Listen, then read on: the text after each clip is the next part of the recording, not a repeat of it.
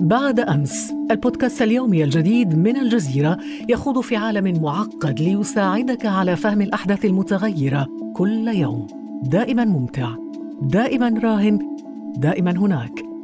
لا تنتظر حتى الغد واستمع اليوم إلى بودكاست بعد أمس.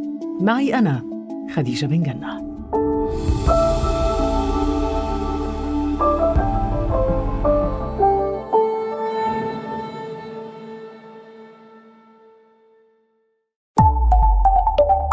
الجزيرة بودكاست. آه يا أبي يا ليتني كنت مع خميس كاكا في فيلم الحرب العالمية الثالثة.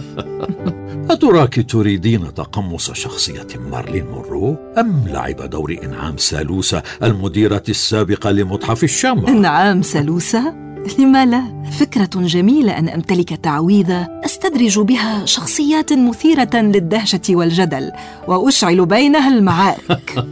لو كنت مكانك يا ابنتي لاخترت أن أكون أم كلثوم وأطرب اجيالا أكثر وأملأ الدنيا غناء. ولكنت دفعت عن نفسي في وجه كل من يتهمني بمقتل اسمان ما رأيك يا سيلينا؟ فكرة ممتازة يا أمي. وأنا سأكون الساحرة لأحول أبي إلى فريد الأطرش ليغني قلبي ومفتاحه متى شاء. هيا هيا غني يا أبي وأطربنا.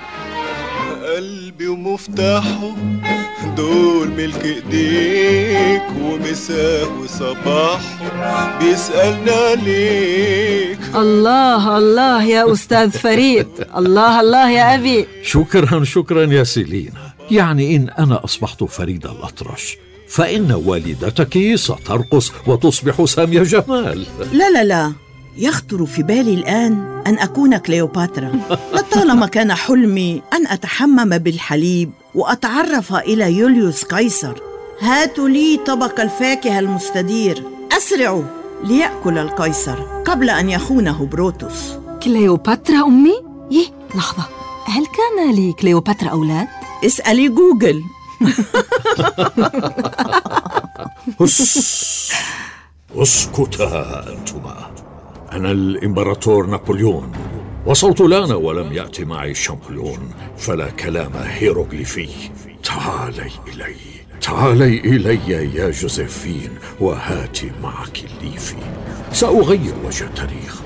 لن أخسر معركة واترلو هذه المرة. أنا نابليون. سأمنع الإنجليز من التندر بحظ السيء في الثامن عشر من يونيو عام 1815 نعم. نعم نعم. سأمنعهم أن يقولوا عن من يتعثر حظه هيمة هز وواترلو أنا سأكتب التاريخ من جديد. دعوني أعود وأنتصر وأنتصر وأنتصر. أبي أبي. عد إلينا يا أبي. فالإمبراطور الفرنسي الشهير دخل التاريخ واستراح.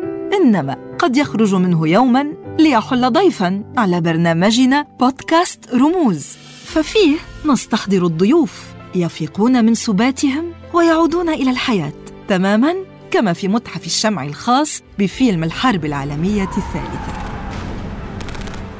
إنما في برنامجنا ستروي كل شخصية من الشخصيات المختارة سيرتها وسترد على اتهامات وجهت إليها في حياتها وبعد مماتها أيضا. قد تقنعنا أو لا؟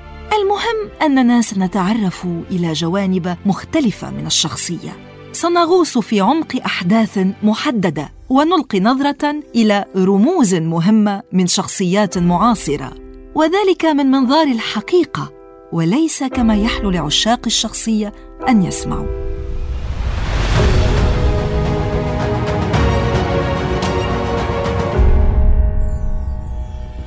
بودكاست رموز لن ينسى أو يتناسى إخفاقات الشخصية وعيوبها أيضاً. كما سيسرد منجزاتها. لن يطمس الوقائع ولن يغيب عن أي موضوع مثير للجدل. في الموسم الأول من البرنامج ستتوالى الشخصيات من حافظ الأسد إلى أم كلثوم، ستيف جوبز، صدام حسين وآخرين أيضاً. ومعهم جميعاً سنرجع إلى الماضي لنعود إلى المستقبل مسلحين بثقافة النقد المنطقي. أنا سيلينا كونوا معنا كل أحد. أنا جهاد سأكون معكم في حلقات من بودكاست رموز. أعير صوتي لشخصيات فكرية وسياسية وفنية. أنتظركم لأحكي لكم خفايا الشخصية وخباياها.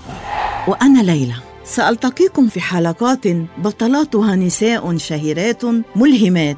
أروي حياتهن بألسنتهن. كونوا على الموعد. أنا لن أتخلف.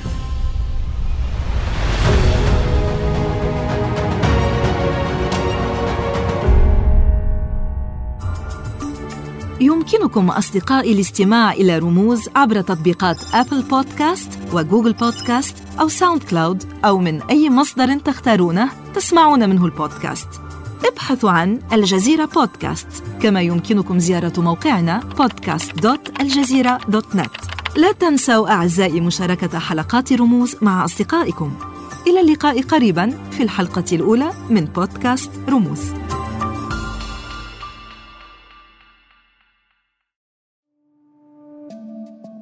بعد أمس البودكاست اليومي الجديد من الجزيرة يخوض في عالم معقد ليساعدك على فهم الأحداث المتغيرة كل يوم. دائما ممتع دائما راهن دائما هناك. لا تنتظر حتى الغد واستمع اليوم إلى بودكاست بعد أمس. معي أنا خديجة بن جنة.